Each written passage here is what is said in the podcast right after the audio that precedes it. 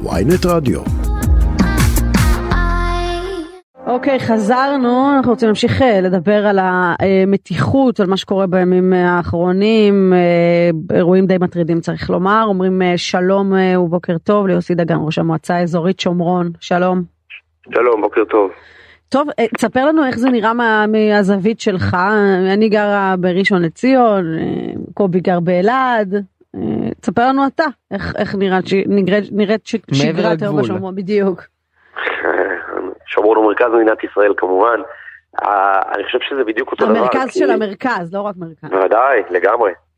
גם פיזית וגם היסטורית וגם אתם יודעים, השומרון מרכז העניינים. כן, אני, אגיד לכם, אני אגיד לכם צורה מאוד פשוטה, זה הכל אותו דבר, כי אנחנו רואים רצף של אירועי טרור, פיגועים קשים, גם בירושלים, גם בחולון, גם בשבי שומרון.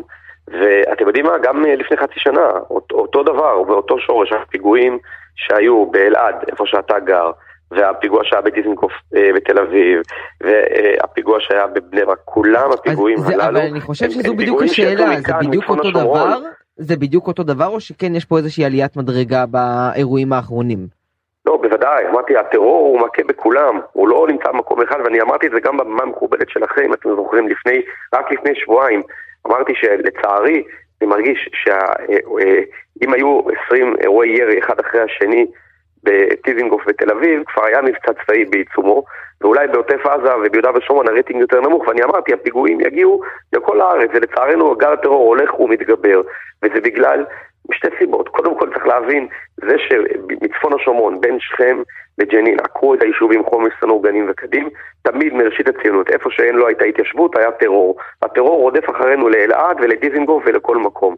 והדבר השני, יש כאן עלייה בחודשים האחרונים, בשנה האחרונה, וזה מגיע לפי עכשיו, שהרשות הפלסטינית מחממת גל של טרור, היא מממנת את זה, היא מסיתה לזה, הרבה יותר מהחמאס אגב.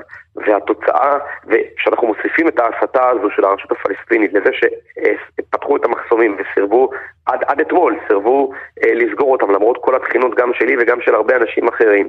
ולא עושים, לא עושים מבצע צבאי לאיסוף הנשק ולא יוצאים לפעילות צבאית אפקטיבית כנגד הרשות הפלסטינית, מה שאני קורא חומת מגן 2, אבל כל אחד יקרא לזה איך שהוא רוצה. מה, זה הזמן? זה הזמן אה, לחומת מגן 2? בוודאי, כי העובדה שעכשיו, אחרי שנשפך דם, אחרי שאנשים נרצחו, סגרו את המחסומים הביטחוניים בחזרה מסביב לשכם. אני יודע שמערכת הביטחון, וזה גם פורסם אצלכם, שמערכת הביטחון שוקלים בכל הרצינות לצאת למבצע צבאי, ואני אומר, תעשו את זה עכשיו, לפני שגל הטרור שוטף את כל המדינה. כי מי שבורח מהטרור, הטרור רודף אחריו. אני אתן לכם דוגמה, אתמול בלילה, אני צרוד כי אני ישנתי שעתיים ומשהו, אתמול בלילה הייתה כניסה לקבר יוסף, הכניסה המסורתית של אושפיזין יוסף. דווקא אתה אמור היה... לברך על זה שלמרות כל מה נכון, שקורה, נכון, נכון במקום נכון, להגיד אני, אנחנו בוודאי, לא מאפשרים, בוודאי, בוודאי, כן. וטוב עשה שר הביטחון והשר המטכ"ל ומפקד האוגדה ואלוף הפיקוד שהחליטו אל מול איומים, וזה מה שאני אומר, אותה, אותה כנופיה אה, שעושה את, את רוב הפיגועים עכשיו אה, באזור. אות, אותה כנופיה הזהירה ואין ספור הודעות שאם ייכנסו לקבר יוסף ירצחו מלא מתנחלים ויהיה גל של טרור. ואמרו, הרי אני גם דרשתי את זה ולשמחתי אה, אה, אמרו בפירוש שכך ינהגו. ואמרו אנחנו לא מפחדים מהטרור ואנחנו דווקא ניכנס ולא נבטל כניסה. וזו הייתה אחת הכניסות הכי רגועות שהייתה בשנה האחרונה. אה, למה? כשאתה בורח מהטרור, הטרור רודף אחריך, ולצערי הרב, אה, אה, מה שקרה אתמול בקבר יוסף זה יוצא מכלל המעיד על הכלל, הממשלה הזו חייבת להתעשת. למה, אתה חושב שהיא חייבת... ממשלה חלשה אה, מול הטרור? הממשלה הזו ממשלה חלשה מול הטרור. הממשלה הזו מפקירה את הביטחון של התושבים שלה, משום שהיא לא במה, יוצאת... במה הפעילות שלה שונה מהממשלה הקודמת? אני רוצה להגיד משהו כללי.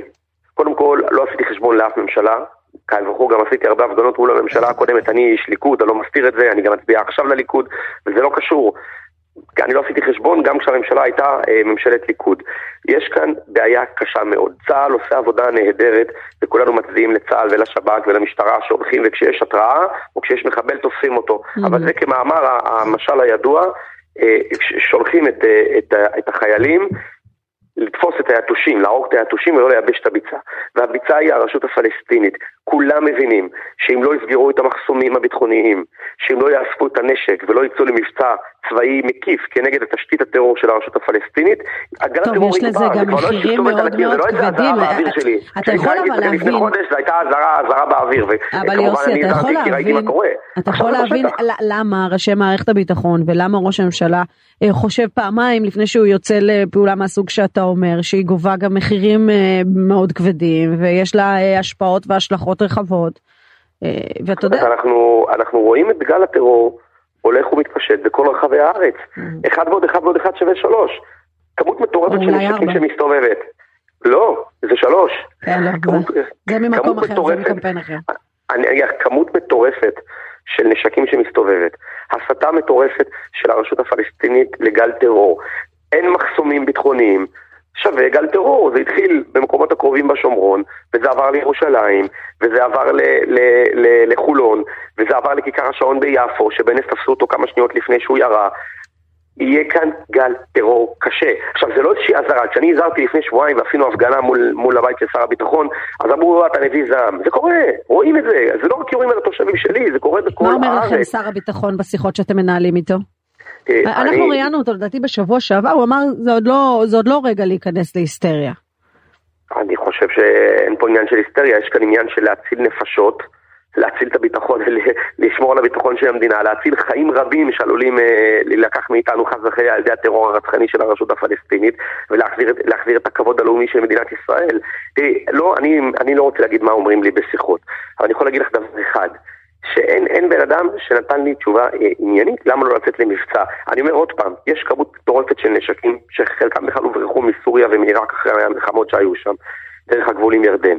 יש הסתה מטורפת של הרשות הפלסטינית ואין מחסומים. עכשיו אני אגיד לך, במקום שהיה פיגוע בשבע שומרון... דווקא עם הרשות ראינו שיתוף פעולה די, די יפה, ראינו כבר אה, לדעתי שלושה או ארבעה מקרים שהחזירו ישראלים, ראינו אפילו מקרה די, די חריג ב, ב, כן.